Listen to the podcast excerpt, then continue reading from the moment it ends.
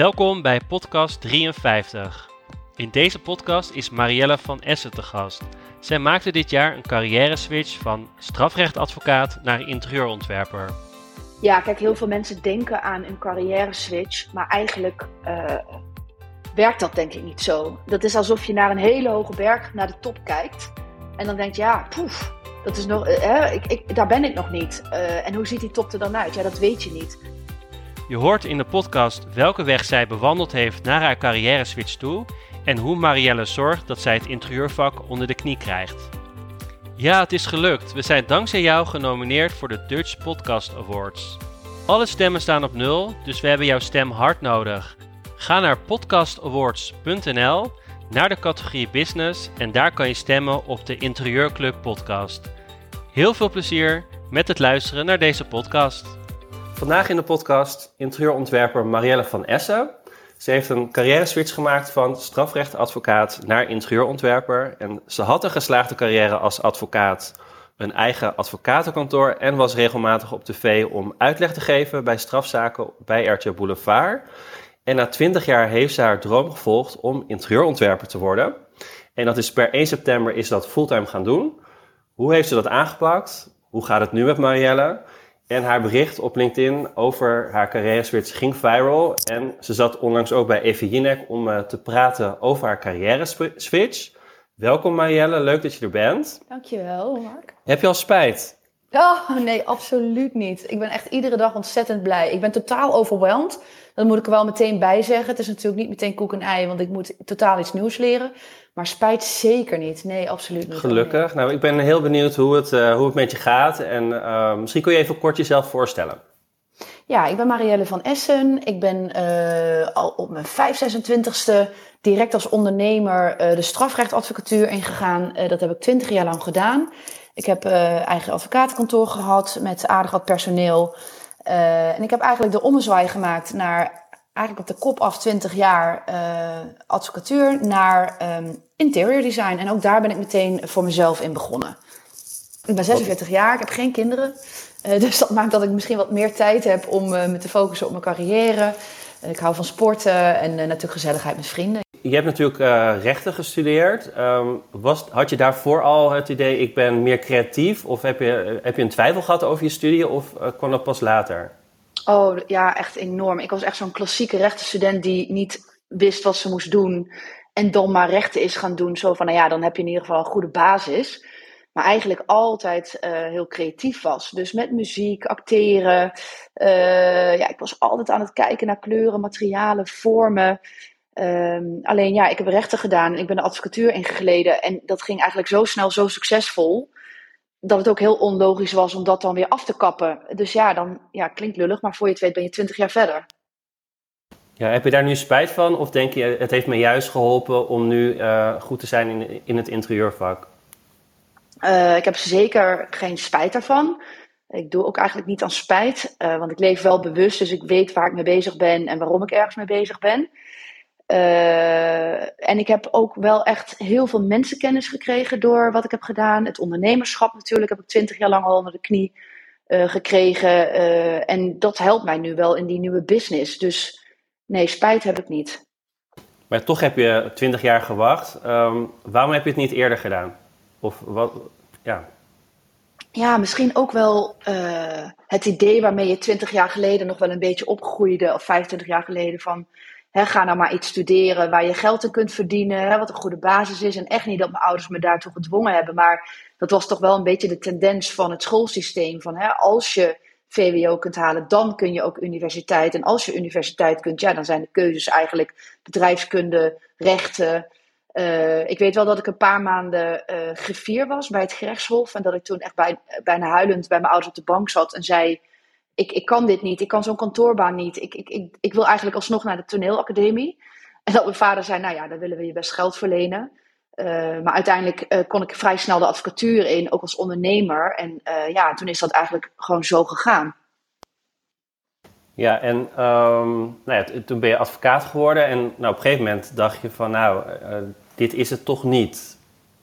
Klopt. Kijk, ik, ik ben, het, het klinkt een beetje alsof ik een totaal verkeerd beroep heb gekozen, maar dat is absoluut niet zo. Want ik ben advocatuur gaan doen vanuit een sterk rechtvaardigheidsgevoel, maatschappelijke betrokkenheid. Dus hè, de waarden die lagen onder die keus, die, die, uh, nou ja, daar sta ik nog steeds achter. Ehm, alleen wat ik op een gegeven moment merkte is, uh, ja, ik werd succesvoller, succesvoller en dat vak. Je krijgt steeds zwaardere strafzaken. Uh, ik had op een gegeven moment behoorlijk wat personeel. Dus ik was en hele zware, hè, wat voor jezelf ook psychisch belastend is, zware strafzaken aan het doen. Ik was ook de hele boel in mijn uppie aan het managen. En ik merkte gewoon op een gegeven moment dat ik toch steeds verder van mezelf af kwam te staan. En dat hè, die waarde van rechtvaardigheidsgevoel, maatschappelijke betrokkenheid, dat ik die eigenlijk steeds minder in mijn vak voelde. Ik dacht gewoon op een gegeven moment bij heel veel cliënten: ik wil mij helemaal niet voor jou inzetten. Ik gun jou mijzelf eigenlijk niet. Hè? Want op een gegeven moment krijg je net zoveel jaar natuurlijk ook heel veel ervaring. Dus uh, ik kan misschien nog wel een, een, een way out vinden. Dat was ook letterlijk mijn slogan: always finding a way out. Uh, terwijl ik je eigenlijk die way out helemaal niet gun. Uh, dus ja, dan, dan merk je dat je dus eigenlijk tegen je eigen normen waarden in aan het werken bent. En ja, dat, dat gaat zich enorm wreken. In je plezier en werk, in je gezondheid, in je privéleven. Ja, en dan moet je wel op zoek naar van wat is er aan de hand. En, en wie, ben ik, wie ben ik dan en waar sta ik nu nog voor? Ja, en hoe heb je dat dan aangepakt? Want dat, dat is best wel een lastige, als je toch ja, succesvol, uh, succesvol bent, mag je, ik denk dat je dat wel mag zeggen, in het vak uh, advocatuur. Um, ja, hoe pak je dat dan aan? Dat het, het voelt niet helemaal goed. Uh, hoe ben je daar dan mee aan de slag gegaan? Ja, dat is echt een, ont, dat is echt een ontzettend bumpy road, Mark. Het is, hè, je voelt op een gegeven moment iets, iets wringt, maar daar ben je misschien nog niet zo van bewust. Dus He, je gaat wat vaker misschien de stad in, gezellig met vrienden uit. Hè, zo van ik moet veel plezier beleven naast mijn werk om die ellende uh, op te kunnen heffen. Een tegenhanger te kunnen bieden. Uh, ieder jaar één en op een gegeven moment wel twee keer naar een wellness uh, instituut. Een week lang yoga en mediteren. Totdat op een gegeven moment dat ook eigenlijk gewoon niet meer werkt. En dan merk je van, hè, dan word je je bewust van, hé, dat werk zit me gewoon helemaal niet meer lekker. Um, en ik ben van alles gaan doen eigenlijk. Praten met deskundigen, ik ben boeken gaan lezen. En op een gegeven moment, eind 2019, heb ik een eh, NLP-opleiding gedaan, neurolinguistisch programmeren, waarin je allerlei coachingstechnieken leert om anderen te helpen bij hun bewust, onderbewustzijn te komen. Waarbij je natuurlijk op elkaar oefent en ook met name ook zelf door een heel proces gaat.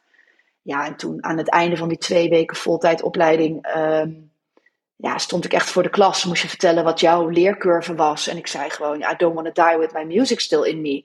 Dat was een slogan die Wayne Dyer dan weer van iemand had. Uh, dat is een uh, motivational speaker. En daarmee wil ik eigenlijk zeggen, mijn, mijn music, uh, wat was dat dan? Wel, welke music wilde dan nog naar buiten? En voor mij was dat creativiteit. mooie dingen maken. gewoon echt doen wat ik in de basis echt heel leuk vind om te doen. En of daar dan een business uitkomt, dat is dan de tweede vraag. En dat is eigenlijk het begin geweest van uh, een zoektocht naar, oké, kan ik het juridische werken nog naast blijven doen? We beginnen met een opleiding uh, uh, interieurontwerp, om gewoon eens te kijken. Ik was eerder al gestart met interieurarchitectuur, maar toen zat ik nog vol met mijn bedrijf en mijn personeel en noem maar op. Nou, ik ben begonnen met een opleiding interieurontwerp en merkte van ja, dat, dat, dat werkt niet lekker als je ook nog een heel advocatenkantoor hebt, een pand, personeel, noem maar op. Uh, ik heb op een gegeven moment met personeel uh, bij elkaar geroepen gezegd: ik kan zo niet verder, ik ben niet meer gemotiveerd. Dus ik heb eigenlijk vlak voor corona uh, afscheid genomen van zowel pand als personeel. En ben eigenlijk een digital nomad geworden, waardoor ik de vrijheid had om dat juridische werk te doen wanneer ik wilde. toen ben ik op een gegeven moment na zoveel maanden dacht ik, hé, hey, misschien moet ik gewoon eens een tijdje rust nemen. Dan kan ik wat meer tijd vrijmaken voor die interieuropleiding.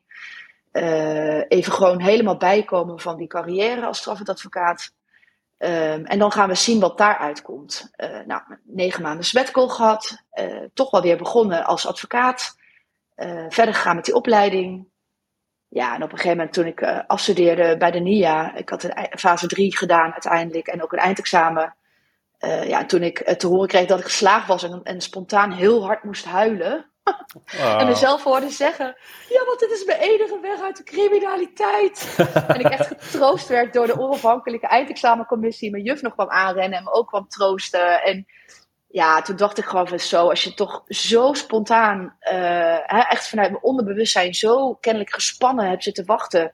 Of je überhaupt hier talent voor hebt. Talent is een groot woord, maar hè, of er überhaupt hier voor mij een carrière in is weggelegd. En je dan toch van zo'n eindexamencommissie na je eindpresentatie en na een half uur in spanning afwachten te horen krijgt dat dat zo is. Ja, toen merkte ik gewoon van oké, ja, dit, is, dit kan ik niet voor mezelf ontkennen. Dus ik heb uh, me per 1 september uitgeschreven inderdaad als advocaat. een handjevol uh, cliënten sta ik nog bij als jurist nu. Um, nou ja, dat is misschien 10% van mijn week, 20% van mijn week nog. Uh, dat vind ik eigenlijk ook wel leuk om dat nog te doen. En dat is niet echt strafrecht gerelateerd. En is dat dan om echt om geld te verdienen of puur omdat je gewoon leuk vindt om het nog erbij te doen?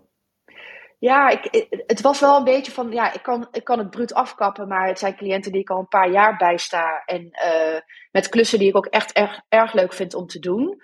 Uh, het zijn ook cliënten die erg enthousiast zijn over mijn carrière switch. Dus dat is ook heel grappig. Toen ik zei, ja, maar ik ben straks geen advocaat meer. Ik kan je juridisch nog begeleiden, maar ik ga merendeel van mijn tijd als interieurontwerper aan de slag. En die dan zeiden: hartstikke gaaf, hartstikke tof voor je. Misschien kan ik je in de toekomst nog helpen. Maar heel fijn als je mij nog met dit uh, wil blijven helpen voor de time being. Toen dacht ik: nou ja, als mensen zo enthousiast reageren, dan ga ik dat gewoon doen.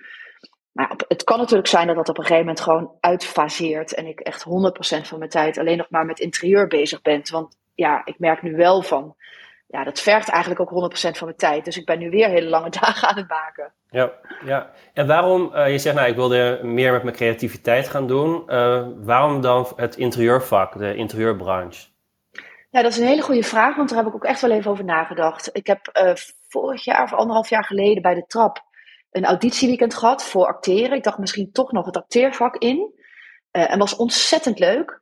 Alleen als ik gewoon eerlijk ben naar mezelf en kijk naar de boeken die in mijn huis liggen, als ik kijk naar waar ik uh, me op focus als ik op vakanties ben, uh, dan heeft dat altijd te maken met architectuur, interieur, omgeving, vormgeving, uh, kleuren, materialen. dat is echt waar ik heel veel uur van mijn dag mee bezig eigenlijk al ben, bewust, onbewust. Um, en toen ik dus met een opleiding begon interieurarchitectuur al een paar jaar geleden, ik merkte dat ik gewoon zo enthousiast was. Alleen ja, er zitten maar 24 uur in een dag. Ik had een heel advocatenkantoor te leiden, dus dat ging gewoon niet. En ik ben die opleiding aan de NIA dus natuurlijk eerst gaan doen voordat ik de carrière switch maakte. En ja, gewoon met een big smile in de auto terug naar Amsterdam. Uh, omdat je gewoon zo hebt genoten van wat je allemaal geleerd hebt. En ja, dat kan je gewoon niet meer ontkennen dat dat is waar gewoon op dit moment mijn passie ligt. En of dat misschien uitkristalliseert meer richting uh, productontwerp, productdesign, of misschien juist meer richting puur inrichten, meer woon-winkelachtig. Of echt uh, uh, samenwerkingen met architecten, want ik vind exterieur dus ook heel boeiend. Of tuinarchitectuur er misschien bij, ja, dat weet ik nog niet. Ik heb zoiets van, ja, het ligt helemaal open. En nu ben ik met name bezig daar waar ik voor opgeleid ben. Dus indelingen maken, zowel qua ruimtes, meubelplannen, uh, stoffering, uh, materiaalkeuzes, kleurkeuzes. Ja, dat vind ik nu al helemaal geweldig. Ja, dan heb je de juiste keuze gemaakt. Um, en wij hebben heel veel mensen die ons benaderen. Um, ja, ik wil ook een carrière switch maken. hoe zou ik dat aanpakken? Um, veel mensen doen het uiteindelijk niet. ik denk dat jij ook wel twijfels hebt gehad. Kun je daar misschien wat meer over vertellen? Van welke twijfels had jij en hoe heb je dat dan aangepakt om het dan toch wel te gaan doen?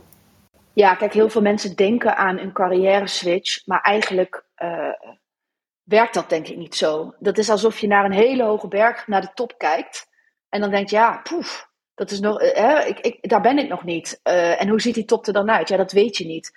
Dus ik denk dat je ook niet moet denken in termen van ik kies voor een switch of niet. Je moet gewoon beginnen met naast je werk te doen wat je leuk vindt. ga je erin verdiepen, ga een opleiding volgen, ga met mensen praten maar vooral begin er al in, maar dan gewoon naast het werk wat je nu doet. En als je merkt, zoals in mijn geval, dat dat niet naast je werk te doen is, ja, dan zou je dat werk moeten gaan afschalen. Ga vier dagen in de week werken. Uh, ga geld sparen. Ga minder uitgeven. Zorg dat je een potje hebt voor ter overbrugging van een periode dat je wellicht minder inkomsten gaat hebben. Uh, dus dat, dat is wat bij mij er allemaal aan vooraf is gegaan. En pas toen heb ik gezegd: oké, ik durf nu hè, mijn juridische werk eigenlijk voor 80, 90 procent los te laten. En ga dan nu echt voor de onzekerheid van een totaal nieuw vak met hè, een, een, een aanloopfase waarin je misschien nog niet zoveel inkomen hebt. En ik, ik ben alleen, dus ik moet dat wel allemaal zelf dragen, die kosten. Uh, maar ja, ik heb nu niet meer, zoals ik eerst had, een pand met personeel. En hè, ik had echt een half miljoen aan kosten aan mijn advocatenkantoor. Ja, dat moet je wel ophoesten met omzet. En nu werk ik digitaal met name, dus mijn kosten zijn gewoon heel laag. Dus die overbruggingsperiode is ook niet meer zo spannend. Ja, jij zegt eigenlijk, neem wat kleinere stapjes, maak er geen hele hoge, grote berg van, maar ga, neem, ga stap voor stap kijken of het iets is of niet. Ja, precies. Ik ben absoluut niet voor hè, op een ochtend wakker worden of na zo'n chakka-achtige retreat de hele boel op zijn schop gooien en alles maar opgeven wat je hebt opgebouwd. Uh, dat, dat is zeker niet wat ik voorsta. Nee, ik, ik, ik denk dat je moet beginnen met een opleiding te doen. Uh, misschien kan je ergens, dat heb ik dan niet gedaan, maar kun je ergens een stage lopen als je die opleiding hebt gedaan.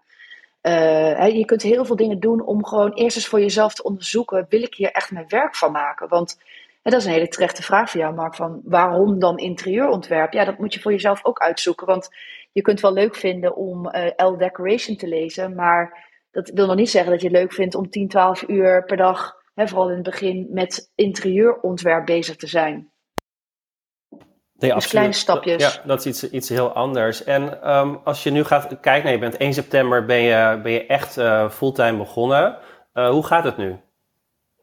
Ja, ik heb uh, inderdaad die stap gemaakt. En dat ging natuurlijk een paar weken daarvoor al viral op, op LinkedIn. Dus toen was het vooral hè, dat ik echt een soort tsunami aan berichten over me heen kreeg. Vooral positieve berichten soms ook minder leuke berichten. Mensen die dan toch op de een of andere manier getriggerd worden, wellicht in hun eigen oud zeer. Uh, en dat had toch best wel een beetje impact. Hè? Ik heb natuurlijk een paar interviews gegeven. En heel veel mensen die me ook benaderen met allemaal vragen daarover, omdat die er zelf ook mee zitten. En ik wilde eigenlijk iedereen beantwoorden en iedereen meenemen in dat proces. Totdat ik op een gegeven moment merkte, ja, ik raak hier back af van. Terwijl ik eigenlijk zelf in een hele heftige periode zit. Want ik moet iets totaal nieuws, moet ik natuurlijk leren. Uh, wat mij ook heel veel energie kost. Dus ik moest op een gegeven moment wel echt even op de rem gaan staan en zeggen: Oké, ho, nu is het wel klaar. Uh, hè, ik heb met jou dan deze interview nog staan. Dat vind ik leuk, omdat ik natuurlijk echt voor mijn eigen branche praat. Uh, met mensen die wellicht die stap al hebben gemaakt. maar verder staat er eigenlijk niks meer op het programma. Want ik ben nu eigenlijk gewoon iedere dag constant aan het leren. Ik ben, ik ben nog steeds mezelf SketchUp onder de knie aan het krijgen. Met, met online lessen, privélessen. Mijn projecten ben ik aan het doen en daar leer ik heel veel van. Dus mijn dagen nu zien er gewoon uit. Ja, ik ben gewoon constant met het vak bezig. Alleen ik moet alles erop bouwen. Contacten met leveranciers, merken leren kennen. Ja, klanten krijgen, je Insta draaiende houden en daarover nadenken. Dat heb ik op een gegeven moment met vallen en opstaan. dacht ik, ja, ik ga dit een beetje loslaten. Kost me te veel tijd. Ik wil me focussen op mijn opdrachten en mijn leercurve. Dat is eigenlijk waar ik nu in zit in die fase.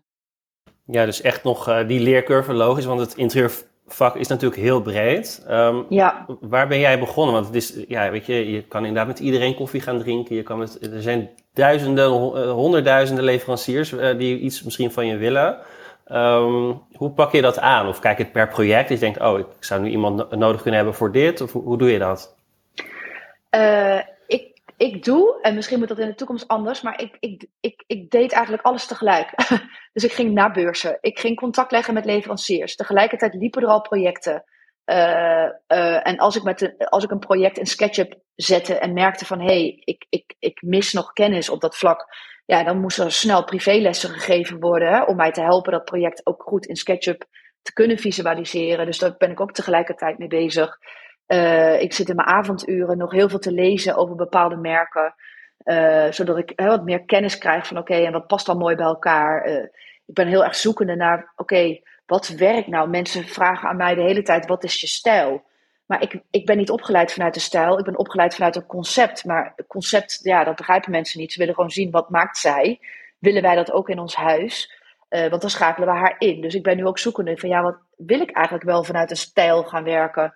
Uh, of wil ik misschien uh, meerdere stijlen aanbieden? Of, hè, of, of blijf ik toch trouw aan dat ik iets op maat wil maken en laat ik een paar dingen aan mensen zien, maar ga ik me niet committeren aan een stijl? Zoals bijvoorbeeld Erik Kuster heeft echt een hele uitgesproken en dat werkt commercieel misschien heel goed, maar ga ik daar heel veel plezier aan beleven? En nou ja, dat is eigenlijk de fase waar ik nu in zit. En een architect zei, ja, je moet echt uh, de Fountainhead lezen. Hè, waarin dus die struggle van een architect over ben je trouw aan wat jij zelf denkt dat bij iemand past. Of ga je dat doen wat een ander van jou wil zien.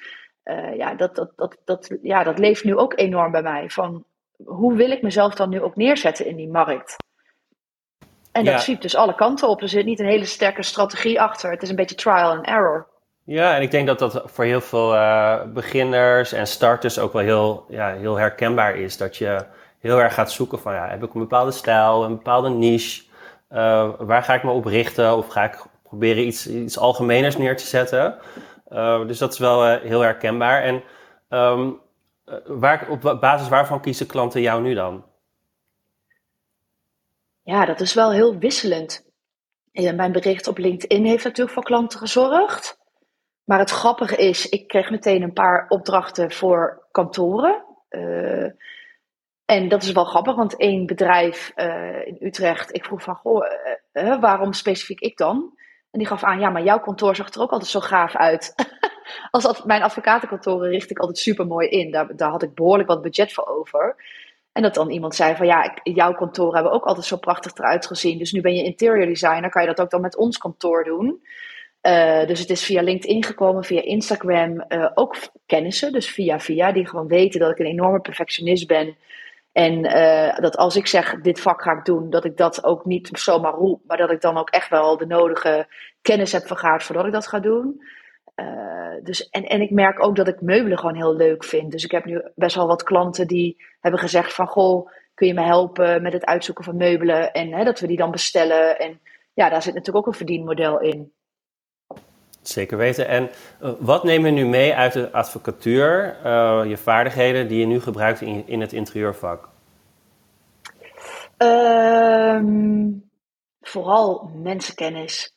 Uh, ik heb al één klant gehad waarbij ik aan het begin al dacht van, oh, dit voelt helemaal niet goed. Ik wil dit eigenlijk helemaal niet doen, maar onder het mom van, nou ja, je bent net begonnen, misschien moet je niet zo kieskeurig zijn.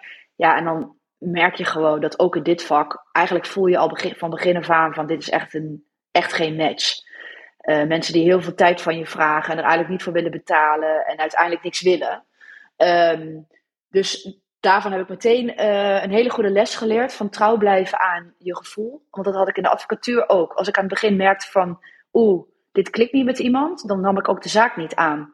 En dat is een les die ik nu al heb geleerd in het interieurvak. Als je toch merkt van, hé, hey, die mensen willen iets van mij, of uh, dat, dat zijn types die gewoon niet goed bij mij passen uh, of die willen iets van mij dat ik creëer dat ook niet bij mij past. Ja, gewoon resoluut nee zeggen. Dan liever nog maar te, te rustig dan jezelf volladen met werk waar je met, met tegenzin tegenaan zit te hikken. Uh, dus dat is iets wat ik wel meteen heb geleerd. En ook commercieel inzicht. Kijk, natuurlijk kun je uh, hè, trouw blijven aan wat je zelf wilt creëren. Dus ik, ik zeg ook niet dat je daar afbreuk aan moet doen.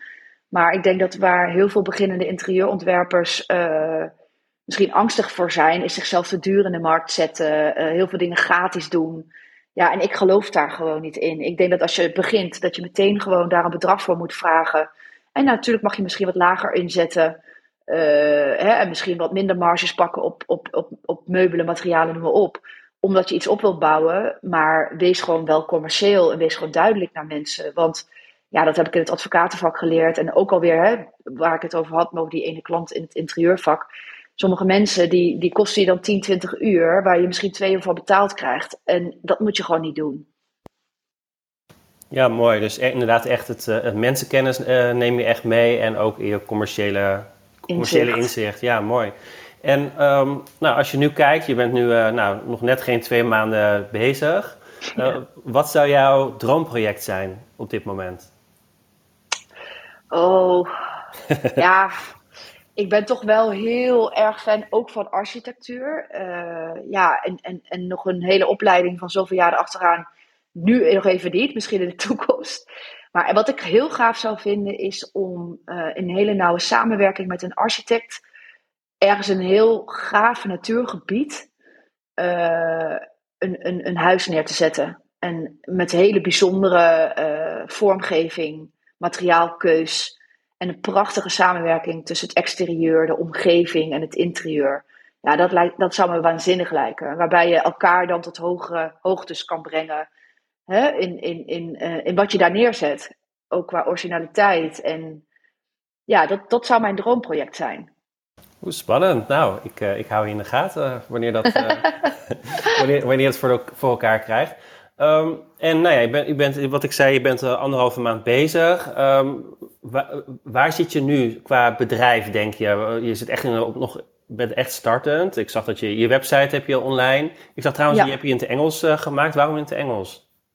Ja, dat was ook wel echt een, uh, een struggle. Kijk, ik heb het in het Engels gemaakt, omdat er natuurlijk in Nederland, zeker in, waar ik zit in de regio Amsterdam, heel veel expats zijn. Dus als je een zekere markt wil bedienen, hier in Amsterdam en zeker Amsterdam-Zuid, ja, dan heb je te, te, maken met heel veel Engelstalige mensen die niet per se jouw Nederlandse tekst, website kunnen snappen tegelijkertijd heb ik wel gemerkt van ja, ik vind het ook hartstikke leuk om blogs te schrijven. Ja, dat is natuurlijk, dat gaat, gaat wel in het Engels, maar dan moet ik toch wel de hele tijd bepaalde woorden opzoeken. Zoals upholstery en dat soort dingen. Ehm, dus ik zit daar nog wel heel erg over te twijfelen. Deze site heb ik heel snel de lucht in moeten brengen, omdat dus uh, uh, dat LinkedIn-bericht zo viral ging. Ehm, maar ik zit er wel over te denken, dit is een WordPress-site, om over te stappen naar Squarespace en die dan misschien in het Nederlands te doen. Maar dat is nog even een, uh, ja, ook een vraagstuk waar ik zelf mee zit. Ja, interessant. En qua marketing, wat is je plan daarin? Heb je, nee, je, je website is online. Uh, ga je, je bent natuurlijk wel op social media. ben je, wat ben je van plan qua marketing om, om een bepaalde doelgroep te bereiken? Of wat is jouw strategie? Of heb je die nog niet misschien? Misschien ben je daar nog mee bezig? Nou ja, ik merkte dat ik in het begin best wel veel aan het posten was. Um, maar dat kostte best wel veel tijd. Ook omdat de mensen reageren daar natuurlijk op. En je kan niet maken om dan vervolgens nergens meer terug op te reageren. Dus hè, het is natuurlijk een interactief medium.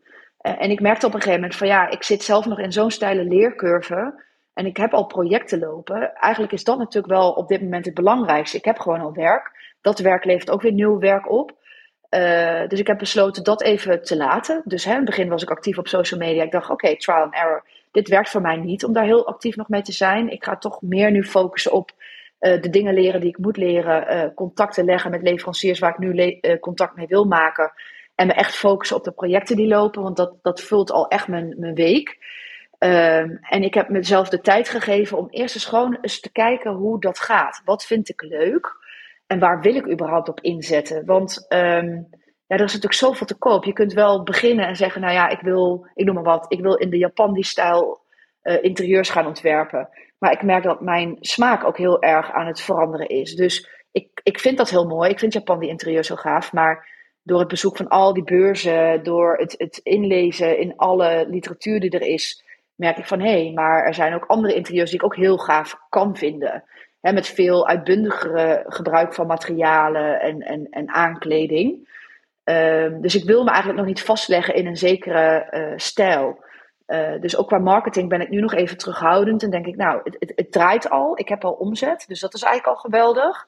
Uh, en ik, ik, ik wil eerst deze periodes doorlopen om te bezien, ja, wat vind ik zelf eigenlijk leuk? En hoe wil ik mezelf dan presenteren? Dus er zit nog niet echt een strategie achter, heel eerlijk. Ja, dat is ook wel echt de zoektocht van een, eh, een starter, denk ik. Wat heel logisch is om uh, uh, eerst even goed te gaan, rond te gaan kijken en dingen te ervaren. Ja. Dus heel interessant. En um, je werkt natuurlijk voor jezelf. ik zag ook een paar jaar geleden een, een, interview met jou dat je zei: Nou, als ik op dit tempo door blijf werken, dan word ik niet heel erg oud.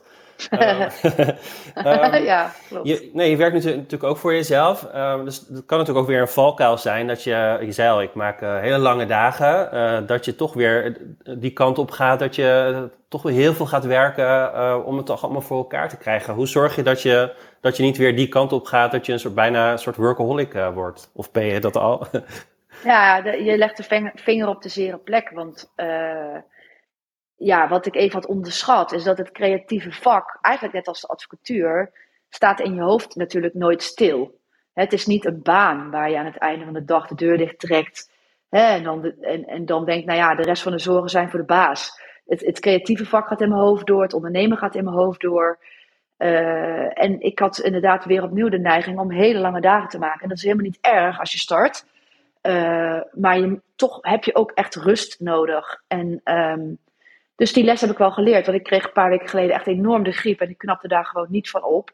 En ik ben eigenlijk nu net weer een weekje weer boven Jan. Um, dus dat was wel even een goede les. Zo voor, vooral eigenlijk het proces in je hoofd. Van chill the fuck out gewoon. Rome is ook niet in één dag gebouwd. Je kunt niet en je marketingstrategie bedacht hebben. En je projecten geweldig doen. En dit en dat. En zo en zo. Dat gaat niet. Gun het tijd.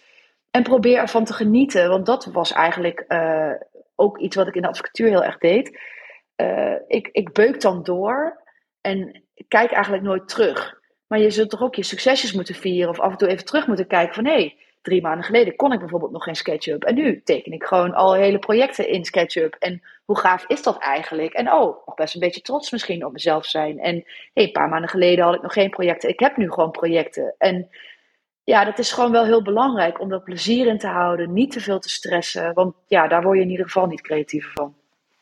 Maar hoe doe je dat dan? Hoe check jij uit dan? Of hoe, wat, wat doe jij dan om uh, ja, toch even weg te kunnen zijn? Of uh, weet je, tot, dat je hoofd even stilstaat? Ik, ik herken het ook heel erg hoor. Ik ben ook uh, ontzettende workaholic. En ik kan ook nou ja, ik kan, tot midden in de nacht gewoon lekker doorwerken. En dat vind ik ook echt heel erg leuk. Um, maar ja, op een gegeven moment moet je wel kunnen stoppen. Hoe doe jij dat?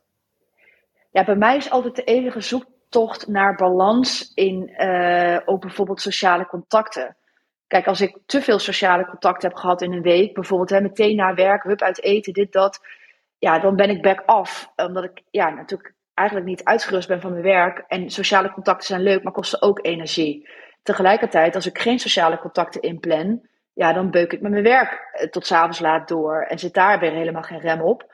Uh, dus het is een, een zoektocht naar genoeg uh, sociale contacten, maar zeker niet veel, zeker niet te weinig. dus dat je wel die momenten hebt dat je even niet aan het werk bent. Uh, sporten is voor mij een, een uitlaatklep. En dan niet rennen of van die, van die uh, hupsende hitclashes. Maar voor mij is krachttraining dus heel fijn. Want dan kan ik op een rustige manier echt even helemaal een uurtje focussen op die gewichten. Dat werkt, ik heb echt een ontzettende ADHD-brein. dus voor mij werkt krachttraining in dat opzicht echt heel goed. Uh, en ja, gewoon buiten wandelen, even die telefoon laten. Uh, ja, dat werkt goed. En gisteren bijvoorbeeld merkte ik van, hé, hey, ik ben eigenlijk hartstikke moe.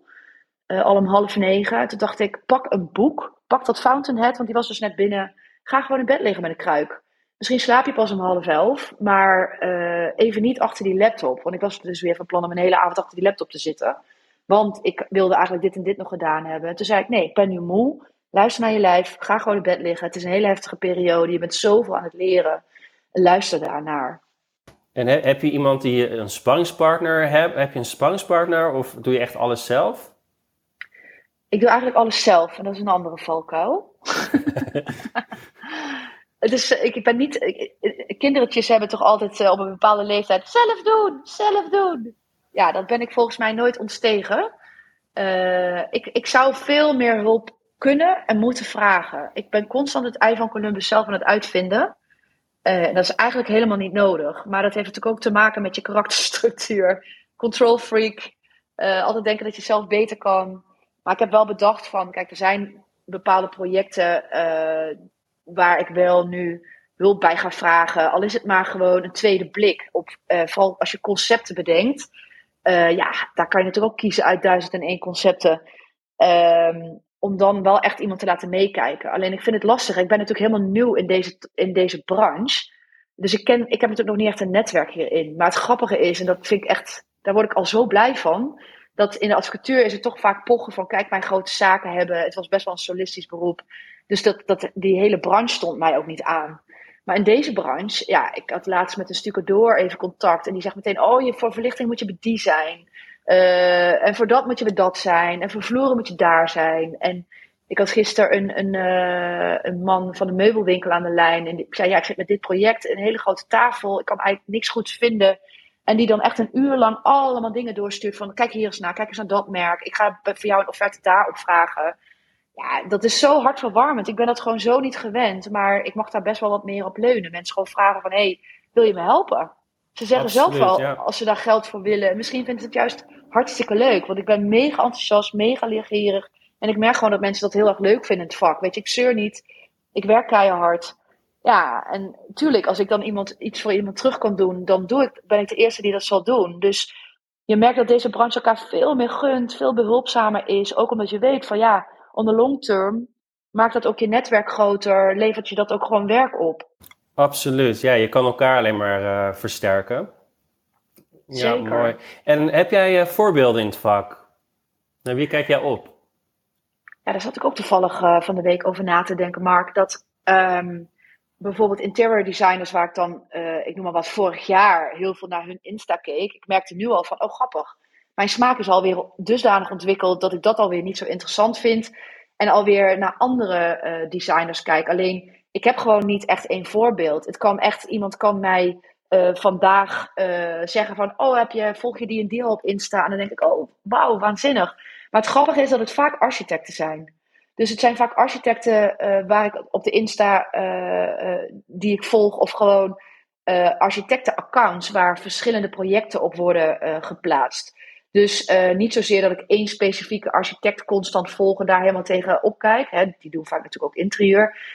Maar het zijn vaak accounts waar, die ik volg waarvan ik zeg van hé, hey, daar plaatsen ze gewoon hele vette dingen op. Hele gave gebouwen, zowel in Mexico als hè, gewoon all over the world. Dat, dat ja, bevredigt mij op dit moment eigenlijk het meest.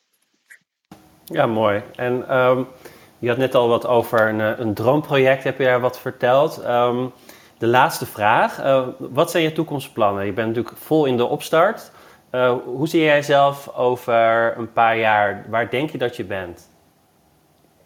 Um, ja, ik hoop in ieder geval. Ik, ik doe nu al opdrachten die ik super leuk vind. Daar ben ik al heel dankbaar voor.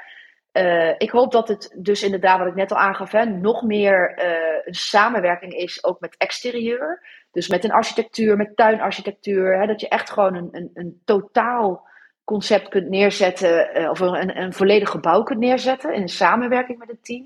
Dat zou ik echt wel in de toekomst gaaf vinden. En of dat dan is dat ik me aansluit bij een, bij een bedrijf, of dat ik zelf mensen aantrek, of dat je als ZZP'ers met elkaar dus zowel tuinarchitectuur, architectuur, binnenhuisarchitectuur, dat je met elkaar in een, in een studio werkzaam bent.